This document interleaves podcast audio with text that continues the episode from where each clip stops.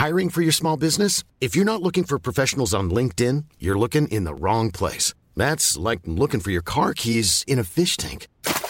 LinkedIn helps you hire professionals you can't find anywhere else, even those who aren't actively searching for a new job but might be open to the perfect role. In a given month, over 70% of LinkedIn users don't even visit other leading job sites. So start looking in the right place. With LinkedIn, you can hire professionals like a professional. Post your free job on linkedin.com slash people today. Everyone knows therapy is great for solving problems, but getting therapy has its own problems too, like finding the right therapist, fitting into their schedule, and of course, the cost. Well, BetterHelp can solve those problems. It's totally online and built around your schedule. It's surprisingly affordable too. Connect with a credentialed therapist by phone, video, or online chat, all from the comfort of your home. Visit betterhelp.com to learn more and save 10% on your first month. That's BetterHelp, H E L P. Burrow is a furniture company known for timeless design and thoughtful construction, and free shipping, and that extends to their outdoor collection.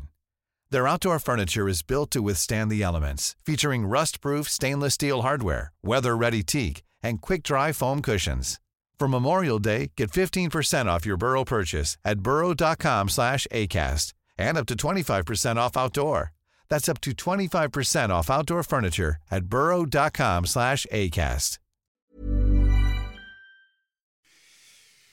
Intops, altså norske militære styrkers internasjonale operasjoner, det var for mange av oss nokså ensbetydende med Libanon i tiår.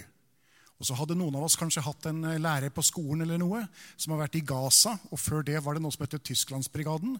Og Nils Egelien og noen til hadde også vært i Korea. Så det var det som var intops i Forsvaret veldig lenge. En av de oppdragene som få av oss har hatt en særlig innsikt i, det er det som har skjedd i Kongo. Og en som har gravd seg inn i dette og lagd en film som jeg forstår er utrolig tankevekkende Jeg har ikke fått sett den enda. Det er Erik Martiniussen. Han har gravd frem det som skal, ska, skaffes kan av materiale rundt dette operasjonen. Så vi er veldig spent på å høre på hva du har eh, funnet frem til, Erik. Så talestolen er din.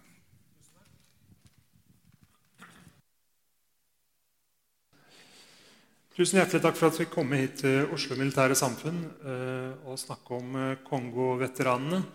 Dette er jo en langt på vei eh, glemt FN-operasjon. Og Grunnen til at jeg selv begynte å interessere meg for dette, var at jeg hadde en onkel som hadde vært i Kongo i 1960. Eh, og Han hadde åpenbart ikke hatt det så greit, for han syntes dette var veldig vanskelig å snakke om. Så med det journalistgenet jeg har, så ble jeg veldig nysgjerrig på hva dette her var for noe. Eh, jeg fant ut at det fantes ganske lite litteratur.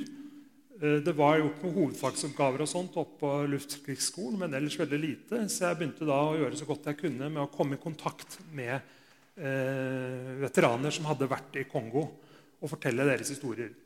Så det startet med at jeg skrev en artikkel til Morgenbladet og etter den artikkelen var det flere og flere eh, veteraner som tok kontakt. Og jeg fikk høre om historier som jeg ikke var kjent med i hele tatt. Om nordmenn som hadde sittet ukevis i krigsfangenskap. Om reelle krigshandlinger og andre som hadde blitt tatt som gisler i flere døgn. Eh, og jeg var veldig forundra over at dette ikke var mer kjent. Og jeg bestemte meg da for istedenfor at jeg skulle skrive mer om dette, så ville jeg intervjue veteranene mens de eh, fortsatt levde, for å si det sånn, så de selv kunne fortelle sine historier. Eh, eh, og det var bakgrunnen for filmen. Så jeg tenkte jeg skulle vise et lite klipp fra filmen, fra filmen her. Bare for å gi et lite innblikk i hva, hva dette handler om. Tror jeg det mangler lyd bøte på sultkatastrofen i Kasai-provinsen. Vi hadde en stor uh, oppgave, og, en, og, en, og, det, og det, var ikke, det, var ikke, noe småtteri, altså, det vi holdt på med.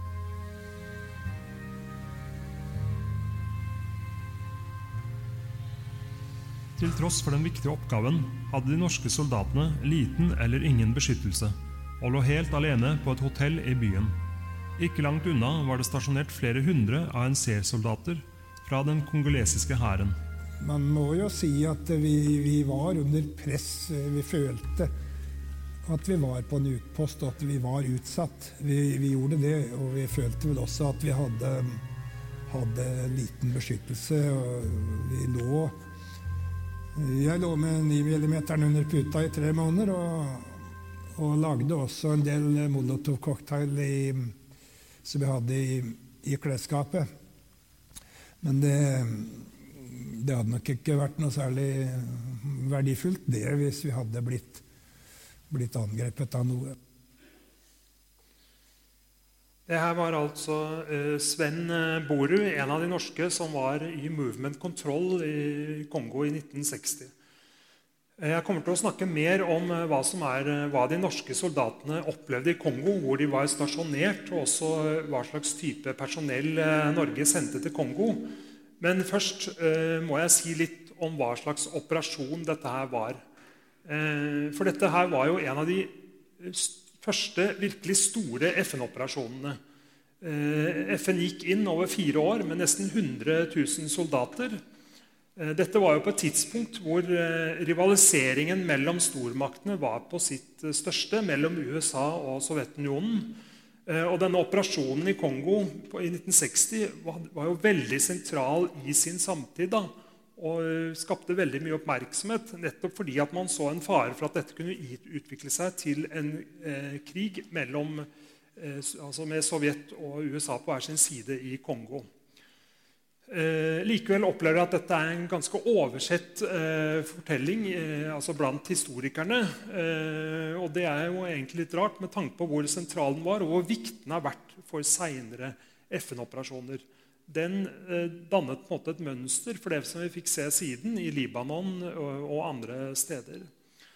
Eh, litt mer om eh, bakgrunnen for denne operasjonen. Da. Dette var jo på et tidspunkt hvor veldig mange land var i ferd med å rive seg løs fra kolonimaktene sine. Det gjelder jo både i Asia, men ikke minst i de afrikanske landene, hvor veldig mange stater hadde begynt å erklære seg uavhengig. Det var vel Ghana som var først ute i 1957, og Famen Kruma. Eh, og Deretter så gikk det et slags dominoeffekt over hele det afrikanske kontinentet. Og I forlengelse av dette her så eh, eh, erklærte også Kongo seg fritt. De hadde jo vært eh, undertrykt av et veldig brutalt eh, belgisk eh, kolonivelde. Eh, hvor belgerne hadde hatt jernkontroll egentlig på alle samfunnsinstitusjoner og vært de som styrte landet. og Det var jo egentlig en slags euforisk fri, frigjøring. og det som skjedde ganske raskt, var at eh, kongolesiske soldater begynte å gå til angrep på de gjenværende belgierne. Og belgierne begynte å rømme landet, og ganske raskt så forfalt samfunnsstrukturen. rett og slett. Det ble kaotisk. Deler av Kongo, enkelte republikker, ønsket å løsrive seg. Eh, og i denne situasjonen, etter bare to uker, så rykket Belgia inn igjen med fallskjermsoldater som landet i ulike byer i Kongo og, og mer eller mindre gjenopptok eh, okkupasjonen. da. Eh, og dette var jo til stor frustrasjon for den eh, lovlig valgte regjeringen. Den det er en demokratisk valgt regjering her representert med Patrice Lumumba nede til venstre og Josef Kasabubu, som var president da, i Kongo. Eh, de eh, ba da FN om hjelp, om at FN skulle komme inn, slik at belgierne kunne trekke seg ut. Det hører jo da med til historien at denne svenske generalsekretæren i FN, Dag Hammarskjöld, han hadde ganske nylig blitt gjenvalgt. Han hadde bygd en slags allianser med disse nye uavhengige statene. Og Det var en helt ny dynamikk òg, si, i FN, hvor det lenge hadde vært eh, frossede eh, konfliktlinjer mellom Sovjet og USA. Men på dette tidspunktet så kom det inn mange uavhengige nye land som, eh, som etablerte seg i FN eh, som, eh, som alliansefrie stater. Da. Og Hammarskjöld bygde på disse, og han forsto at denne konflikten i Kongo kunne bli veldig alvorlig. Så det det at disse nye statene hadde etablert seg i FN, ga på en måte et handlingsrom for, kanskje, for, FN å spille en mer uavhengig og sterk rolle enn de kanskje tidligere har gjort. Man må huske på at uh, Den store FN-operasjonen i Korea var jo mer eller mindre amerikanskstyrt. Så Derfor jeg sier at dette en, var den første store FN-ledete operasjonen. Da. Også Gaza-operasjonen var mye mindre i forhold. Så Hammarskjöld tok da i bruk eh, en, et, en, en, paragraf i FN-pakten som nesten var oversett, som sa at generalsekretæren kunne gripe inn hvis verdensfreden var i fare. Og Han kalte inn da til Sikkerhetsrådet på veldig kort varsel og ba de handle på det han kalte med 'with the utmost speed'. Han fikk da en, en resolusjon samme kveld som sa at Belgia skulle trekke seg ut fra Kongo Eh, og, at, eh, at, og han fikk et mandat for å opprette denne FN-styrken. Eh, Hammarskjöld var opptatt av at dette skulle være en uavhengig eh, styrke. uavhengig av stormaktene, Så han appellerte først og fremst til afrikanske land. Han fikk soldater fra Ghana, også eh, Marokko, var det vel, eh, og etter hvert også fra flere tidligere koloniland. Da. Indonesia, India, også de altså de statene som ikke var med i, i militære allianser, som Irland, eh, Jugoslavia Sverige. Og Disse troppene ankom jo da allerede 15.07., da altså bare tre dager etter etter dette vedtaket i Sikkerhetsrådet. Og jeg mener det sier noe om eh, Hammarskjölds handlingskraft eh, i måten han klarte å iverksette denne aksjonen så raskt. Han tok jo direkte kontakt med soldat, eh, statslederne i Afrika for å få etablert styrken fort. Og de var jo da villige til å sende soldater for å, i en slags afrikansk solidaritet. da. Men denne sosialistisk valgte lederen i, eh, i, Kongo, Patrice Lumumba, var likevel ikke fornøyd. Eh, han mente at eh, FN, selv om FN-troppene kom på plass, at de ikke reagerte sterkt nok. Han var da spesielt opptatt av denne republikken sør i landet som het Katanga, som hadde løsrivet seg fra Kongo. og at han ville at FN-styrkene skulle kaste ut altså intervenere da, i sør i Kongo for å gjenopprette eh, en stat. Eh, belgierne trakk seg jo raskt ut eh, etter at FN kom inn og respekterte sånn sett mandatet. Eh, men i Katanga, denne sørlige provinsen, så var det fortsatt belgiske soldater. Og denne republikken var styrt av en sånn selvutnevnt president som het Moise Chombe. Det var en veldig mineralrik og veldig, altså blir regnet som egentlig Kongos gullgruve, den republikken, eh, med diamanter, gull og uran. Eh, og han hadde også store mengder våpen og et eget luftforsvar. Så når Kotanga etablerte seg som uavhengig stat, så tror jeg man må være klar over at dette var veldig dramatisk i sin tid. Nettopp fordi at han også eh, spilte på dette, bygde videre på eh, kolonimakten Belgia. Det var belgiske tropper i Katanga. Og dette skjedde midt oppi en situasjon hvor alle andre afrikanske land hadde fått frigjort seg og blitt uavhengige. Så det at en sånn stat oppsto i en allerede uavhengig stat med en slags uh, europeisk kolonimakt som, uh, som styrte det indirekte, Eh, var veldig kontroversielt, eh, selvfølgelig. Eh, så Hensikten fra, fra FNs side var da å gå inn for, også for å samle landet.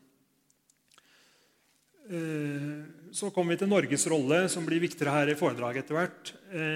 Det var jo da Hammarskjöld ville først og fremst ha alliansefrie land. Men han trengte også nøkkelpersonell. Og det kom en forespørsel til Norge veldig tidlig om å stille med helikopterpersonell, teknisk personell, eh, flyvere og den type ting. Og Den kom altså allerede 16.07. Og norske regjeringen, da, som på den tiden var styrt av Gerhardsen, eh, vedtok i statsråd alle, allerede 20.07. at eh, Norge skulle stille med en styrke. Og det sier jo virkelig hvor stor støtten var til FN i Norge på den tiden.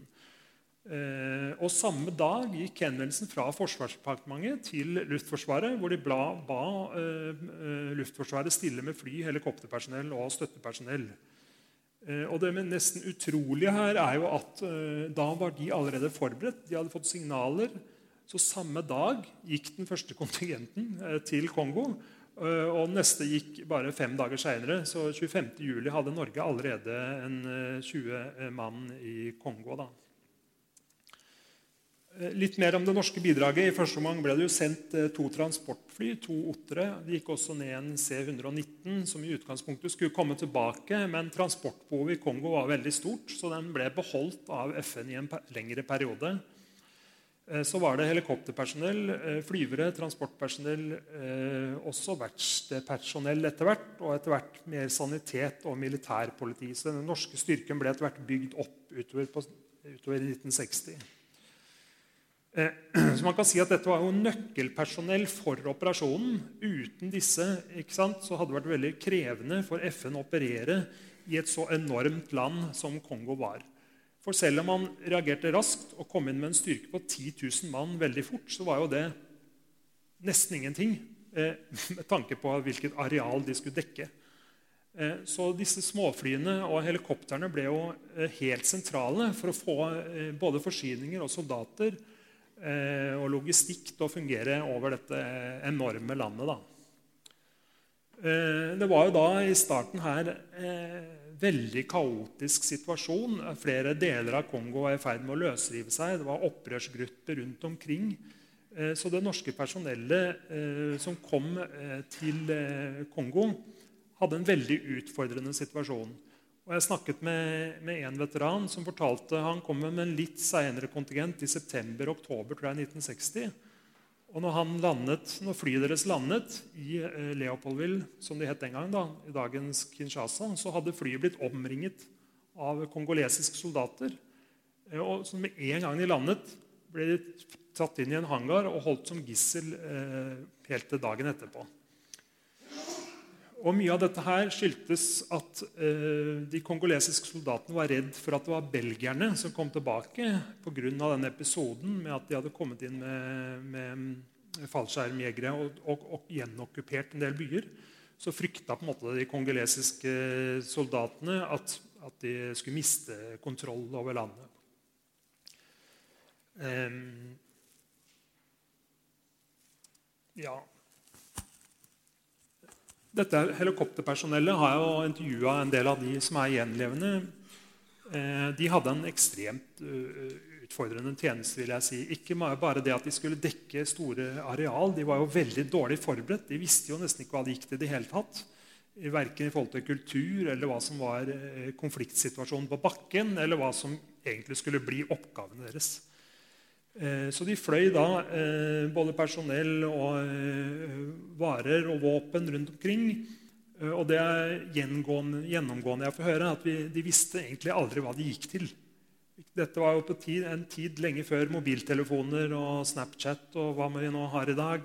Så visste, informasjonsflyten var ikke like rask. Man visste ikke om hvis en flyplass et sted lenger inn i landet plutselig var okkupert av en, eh, av en opprørsstyrke, så var det ikke sikkert at de hadde fått beskjed om det. Og landa da eh, i, på dette stedet hvor det var eh, egentlig opprørsgrupper som tok imot dem.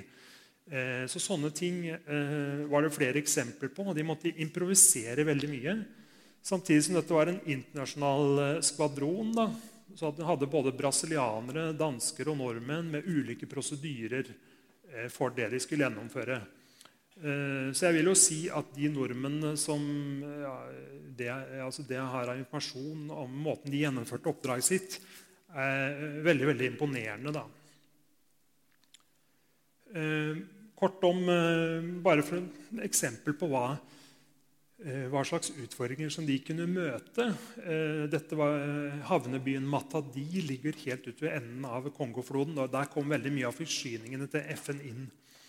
Eh, og På et tidspunkt så tok, gjorde ANC-soldatene der opprør mot eh, FN-styrken fra Marokko og kasta egentlig de ut fra Matadi.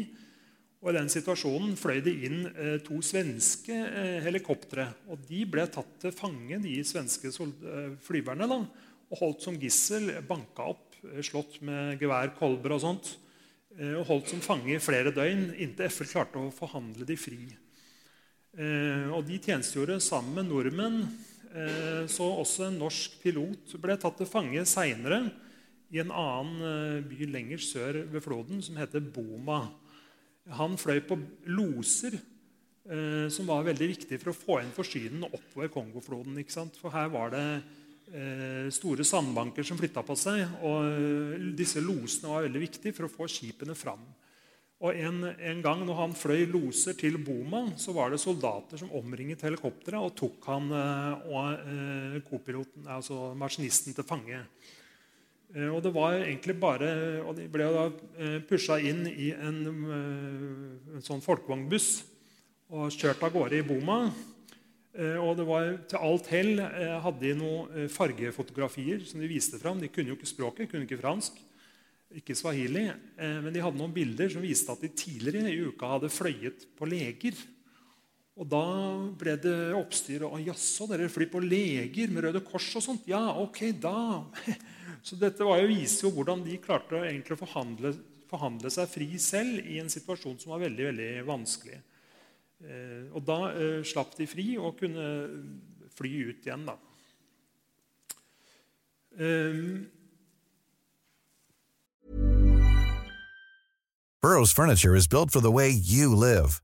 From ensuring easy assembly and disassembly to honoring highly requested new colors for their award-winning seating, they always have their customers in mind. Their modular seating is made out of durable materials to last and grow with you. And with Burrow, you always get fast, free shipping. Get up to 60% off during Burrow's Memorial Day sale at burrow.com slash ACAST. That's burrow.com slash ACAST. burrow.com slash ACAST. Everyone knows therapy is great for solving problems. But getting therapy has its own problems too. Like finding the right therapist, fitting into their schedule, and of course, the cost. Well, BetterHelp can solve those problems. It's totally online and built around your schedule. It's surprisingly affordable too. Connect with a credentialed therapist by phone, video, or online chat, all from the comfort of your home. Visit betterhelp.com to learn more and save 10% on your first month. That's BetterHelp H E L P.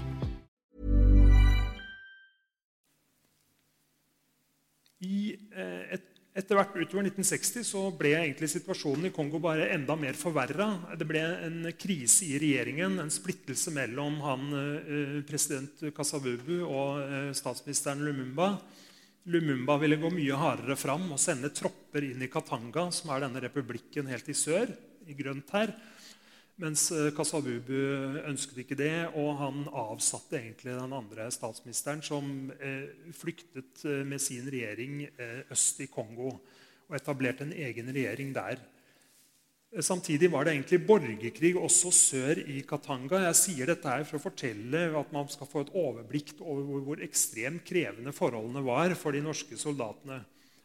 I nord i Katanga eh, var det en stor etnisk gruppe som heter lubar, som var i opprør mot Katanga-provinsen. De ville ikke at Katanga-provinsen skulle løsrive seg. Og det var egentlig en krig på bakken også, mellom Katanga, som hadde europeiske leiesoldater, og denne her, eh, styrken med etniske opprørere da, nord i Katanga.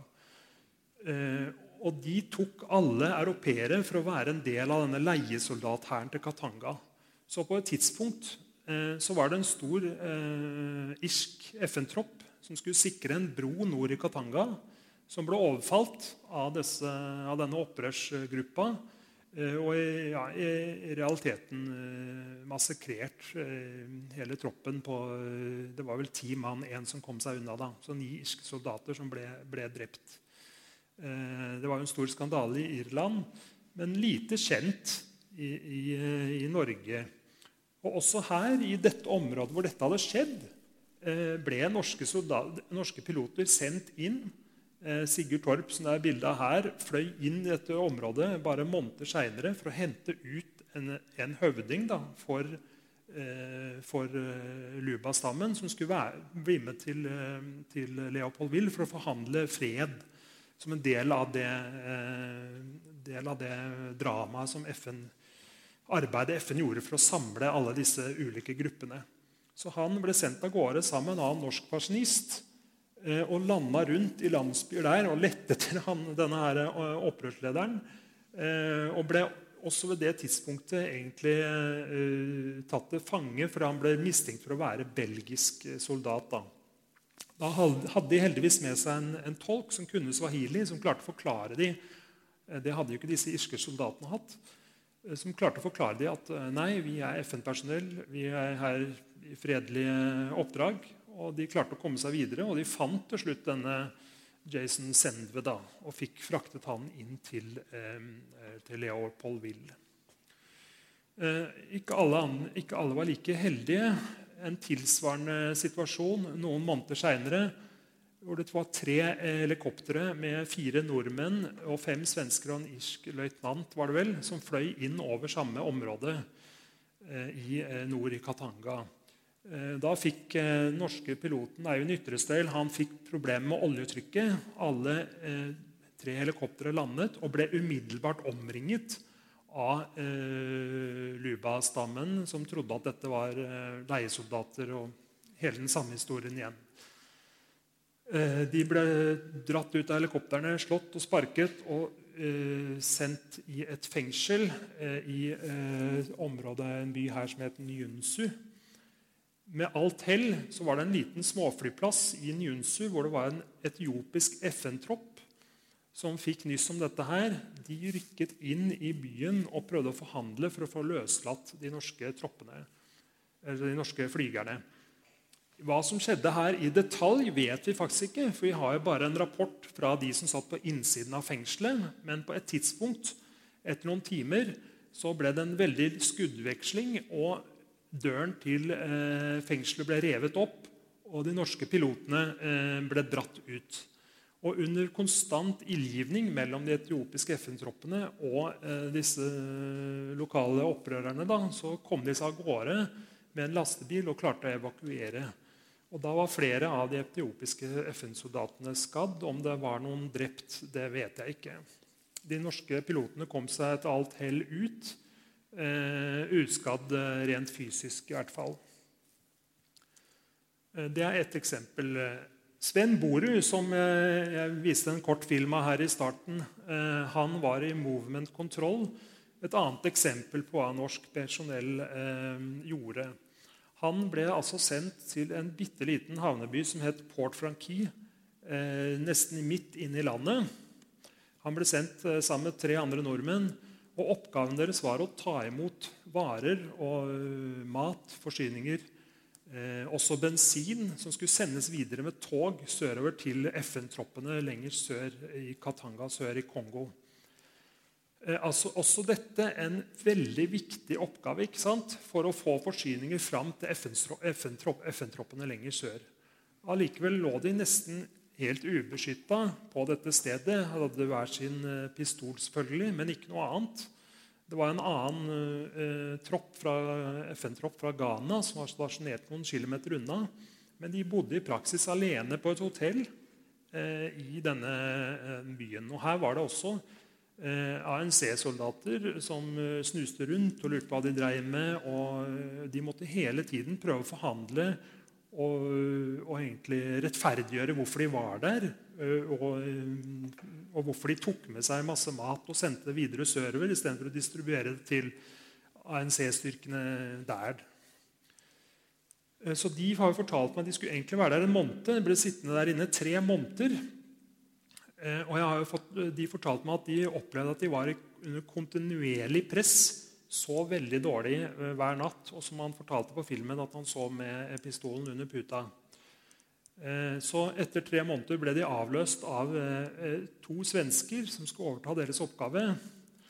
Og da hadde det blitt veldig mye uro blant denne, disse ANC-soldatene. For de hadde fått høre at, at de skulle avvæpnes av FN. Og da 28. april Eh, skjer det forferdelige da, at de rykker inn i dette hotellet hvor svenskene ligger delegert. Samme sted som de tre nordmenn hadde vært. Men eh, de hadde dratt, da, heldigvis, eh, for de, to-tre uker tidligere. Og disse to svenskene og to britiske offiserer blir halt ut og dratt inn i skogen. Og Da er det at de får beskjed ja, førstemann her, og førstemann går. Så hører man et smell. Eh, og han eh, dør jo, rett og slett. Så kommer nestemann. Det er et problem med geværet. Folk, og svensken rømmer inn i skogen. De skyter etter han for å ta han, men eh, han klarer å komme seg unna, rømmer og kaster ut i elva. Eh, og Etterpå blir det da en svenske til og to briter da regelrett henrettet av rett og slett og også den ghanesiske FN-troppen som er der, er det mange som blir, blir, drept. Og Dette sier noe om hva slags risiko det norske personellet løp. Ikke bare i Port Franky, også andre steder var det jo veldig uoversiktlig situasjon. Nå har jeg ikke noen klokke her, så jeg har litt problemer med å følge med på tida. Ja. Det passer bra. Eh, Eh, utover 61 og 60 så forverra situasjonen seg enda mer. Eh, Hammarskjöld, Dag Hammarskjöld var jo veldig direkte involvert i å forhandle fred i Kongo. Eh, og han eh, flyr da til Kongo for å forhandle eh, med Moise Tjombe. Og I denne situasjonen forverrer situasjonen seg på bakken. ja. Eh, og det er, eh, Dette er en litt kjent episode hvor det var en irsk kompani i en by som het Jadotville, da, som ble helt eh, omringet. Og her De ble omringet av flere hundre mann fra Katangas leiesoldat her og opprørsstyrker. Og lå vel beleira der i, i, flere dager. I den situasjonen så var det en nordmann og en svensk maskinist som fikk i oppdrag å fly inn forsyninger til den beleira FN-troppen. Og Dette er det laget en Netflix-film om. Jeg tenkte jeg skulle vise et klipp av den, bare for å vise noe av dramatikken rundt den situasjonen. Er det også mangler det lyd her igjen, hvis noen kan være behjelpelig med As a neutral country, we're the second wave of Irish soldiers to be sent into the Congo. Jesus fucking snake! The compound is a joke. We're wide open. They would never dare attack United Nations company. You've never been in battle. Do you have a plan? Just a prayer there's no need for us.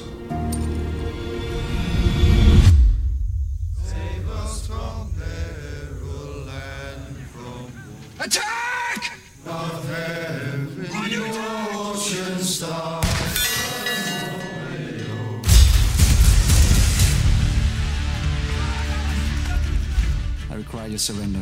If you continue to attack, we will continue to respond. You do realize that you are outnumbered by a factor of 20.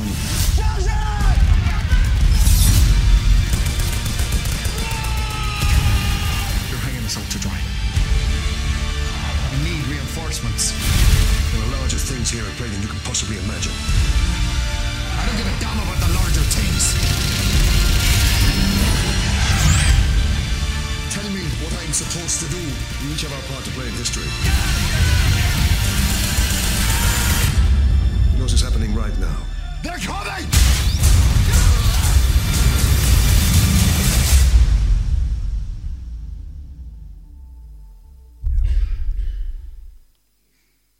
Dette er eh, veldig dramatisert, men likevel eh, gir et inntrykk av hva som var situasjonen.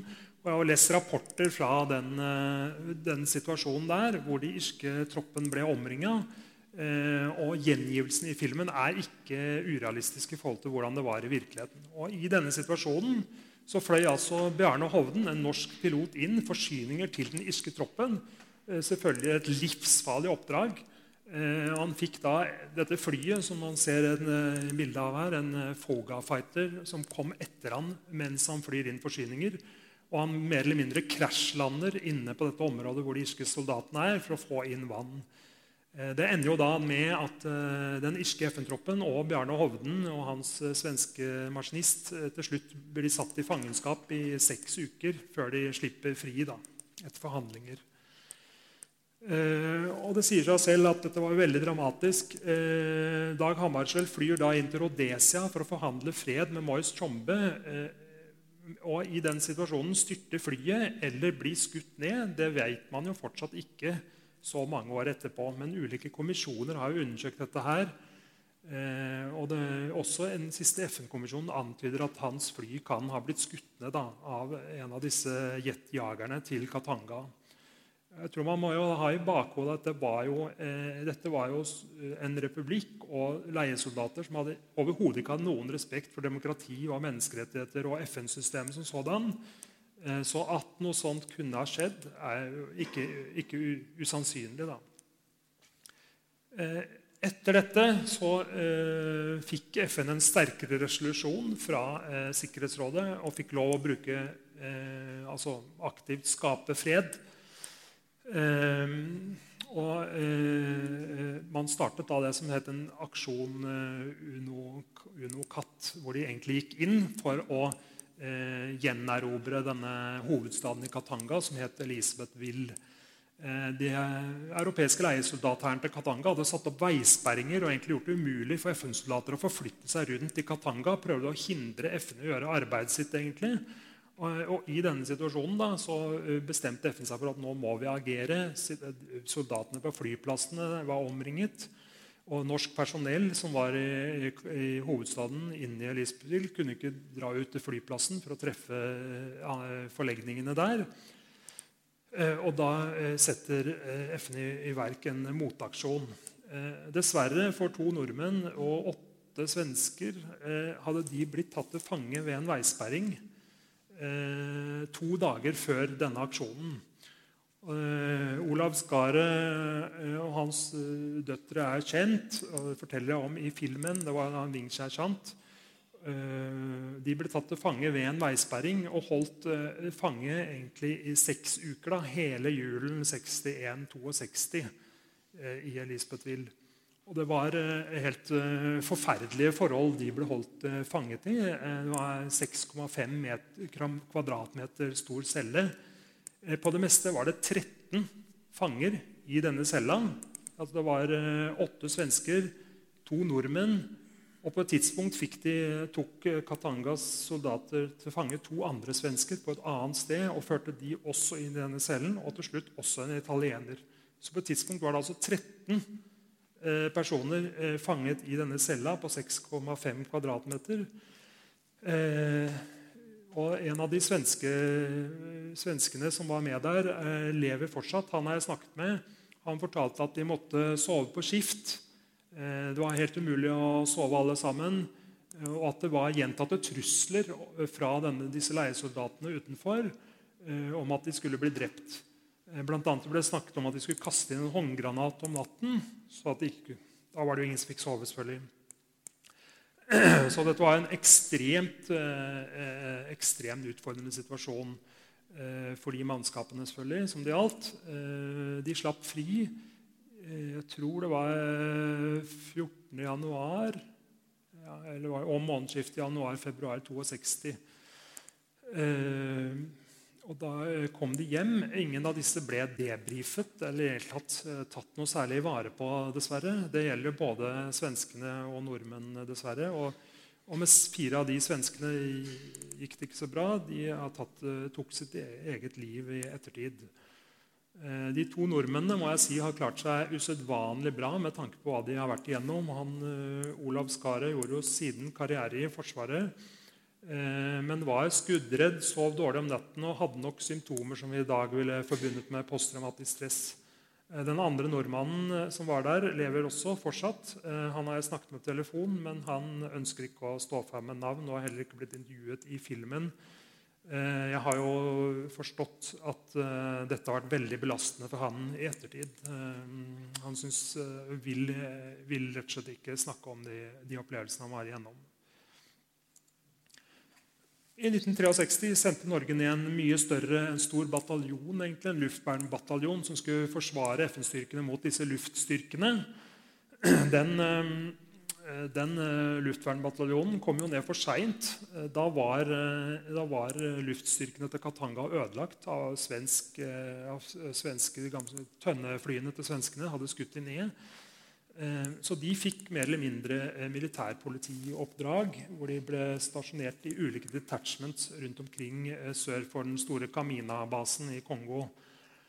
Eh, I og med at det ble delt opp i så mange ulike detachments, så vet vi faktisk eh, relativt lite om hva disse nordmennene faktisk var med på, og hva de, eh, hva de gjorde. Mange av de var på flyplassen og hadde vaktordninger der og var egentlig militærpoliti for FN, flere tusen FN-tropper. Men andre var rundt omkring i områdene. Jeg har intervjua én som bl.a. var i kamphandlinger for å beskytte en, en, en kraftstasjon som ble angrepet av, av leiesoldater. En annen var i et annet distrikt og avvæpnet, eh, avvæpnet og samlet inn våpen eh, fra eh, Luba-stammen. Og sånn sett prøvde å roe ned ting. De var der vel fra januar til mai. Og så ble de sendt hjem, og egentlig etter hvert hele FN-oppdraget av, avviklet. Da. da hadde FN brukt veldig mye ressurser gjennom tre år og eh, hele FN-operasjonen ble etter hvert avviklet i løpet av 63. Jeg må likevel avslutte med en, en siste eh, episode som heldigvis har kommet for en dag. gjennom journalisten Bjørn Asle Nord, som skrev om dette i Aftenposten og, og Bergens Tidende. Det er norske flyveren Per Karlsen og Olav Johansen som også har fått fortjenstmedalje for sin innsats. Eh, det var i 1964, etter at FN hadde trukket seg ut, eh, var det bare noen få FN-styrker igjen. Og det var da en enda en opprørsgruppe, en maoistisk opprørsgruppe ledet av en som het Pierre Mulele, som brant ned og herja rundt i eh, en av provinsene i Kongo og egentlig angrep alt som eh, antyda til å være sivilisasjon og noe som representerte eh, europeere. Eh, så mm, eh, I denne situasjonen så ble eh, Per Karlsen og Olav Johansen beordra inn for å redde ut personell, altså folk fra disse misjonsstasjonene. Og Jeg har lyst til bare at dere skal selv få høre noen av Olav Johansens ord om denne operasjonen. De kom jo ganske fort imot oss. Og, og, og det var så skikkelig skummelt ut. Jag hade en eh, nigeriansk soldat som eskort. Han fick en pil genom armen och jag fick en pil som fastnade i foten och en annan som slog emot k-pisten. Och eh, jag hade precis skjutit slut på ammunitionen och fungerade, på att använda min belgiska FN-pistol FN med 13 skott. Och så tänkte jag att sista skottet får bli, får bli åt mig själv. Och så, ska, så kom skipperen sier han til meg at vi tar han dit, det kan ikke gå lenger, så. Og så når han rett opp. Og, men da sier jeg at vi må ta han dit, sa jeg. eneste vi har, det er å ta han dit og prøve da. Han sa ikke noe. Men han begynte å svinge dit og fikk litt luft og kom oss til luften med altfor tungt lass. Hvor mange folk tror du det var om bord? Jeg tør ikke å si det i dag. Men det var, det var altfor mange. Men hur det var så lyckades piloten rycka upp helikoptern och i sista ögonblicket Eh, kom vi upp i luften efter en våldsam skottväxling där, där jag hade skjutit slut på sex magasin för att hålla dem på avstånd. Mannen eh, som snakker til slutt her, er eh, Stig von Bayer. Han var i Kongo i mange år og snakket swahili, så han eh, var med mange av nordmennene rundt omkring og fungerte som tolk og også soldat, som vi hører her. da. Eh, jeg skal avslutte med å si litt om eh, hvordan eh, hvordan eh, nordmenn ble ivaretatt når de kom hjem. Ja, Nå skal jeg ikke opp hele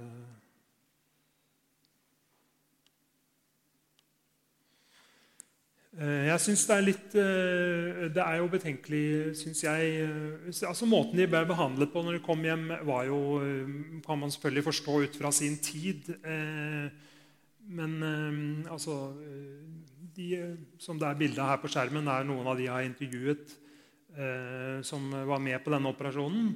De fortjener jo all den respekt, honnør og heder som de burde få. Eh, da de kom hjem, så ble egentlig ingen av de debrifet. Heller ikke Olav Johansen og Per Karlsen, som var med på de mest dramatiske operasjonene. Og Én ting er jo det at de ikke fikk fortalt, men også det at, eh, at det, det, å debrife og fortelle om det ville vært en veldig viktig måte for de å bearbeide det de hadde vært igjennom, som de da på en måte gikk glipp av. Og jeg opplever at de på en annen måte enn mange av Libanon-veteranene for eksempel, har blitt spredt til alle vinnere og kanter av landet og ikke egentlig vært organisert og hatt mulighet til å utveksle erfaringer seg imellom. Noe som nok har vært belastende for mange. At de har blitt sittende veldig alene med det. og Enkelte ble også fortalt at de ikke skulle fortelle noe. Eh, som selvfølgelig er en veldig dårlig måte å eh, håndtere sånne minner på. Eh, så jeg skal avslutte med et lite klipp til, hvis jeg har et minutt. Det er Skal vi se om vi får dette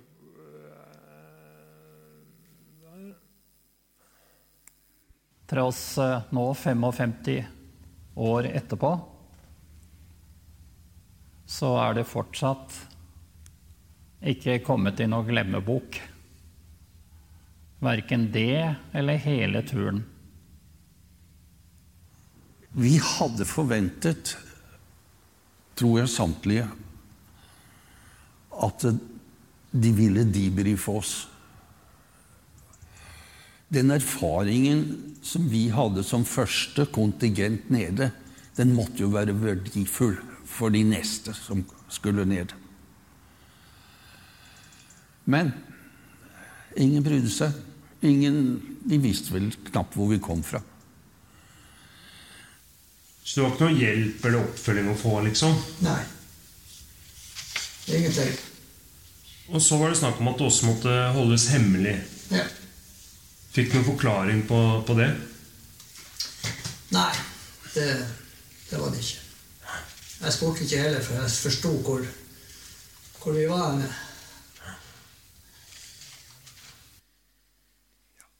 Det siste her var Olav Johansen. Eh, jeg syns jo det er det har vært veldig, veldig, vært veldig, fint for meg å møte alle disse veteranene og få snakke med dem. Eh, og det er klart at det er veteranene selv som har gjort denne filmen mulig, og som har båret den fram. Eh, så jeg benytter enhver anledning til å takke de som har stilt opp i filmen, selv om de ikke er til stede. Eh, og så syns jeg det er litt forstemmende må jeg si, at ikke Forsvaret har brukt denne anledningen som denne filmen kanskje har vært, til å gjennomgå sine arkiver og vurdere om noen av disse her skulle vært eh, vurdert for fortjenestemedaljer. Eh, eksempelvis medalje for edel dåd, som jeg tenker at enkelte her eh, kunne vært kvalifisert for. Så det er mer sånn til ettertanke. Hvis noen vil se denne filmen, så kan de få kjøpt den av meg etterpå på DVD. Ja. Da med det så vil jeg bare takke for meg. Og takk til Oslo Militære Samfunn som inviterte meg. Og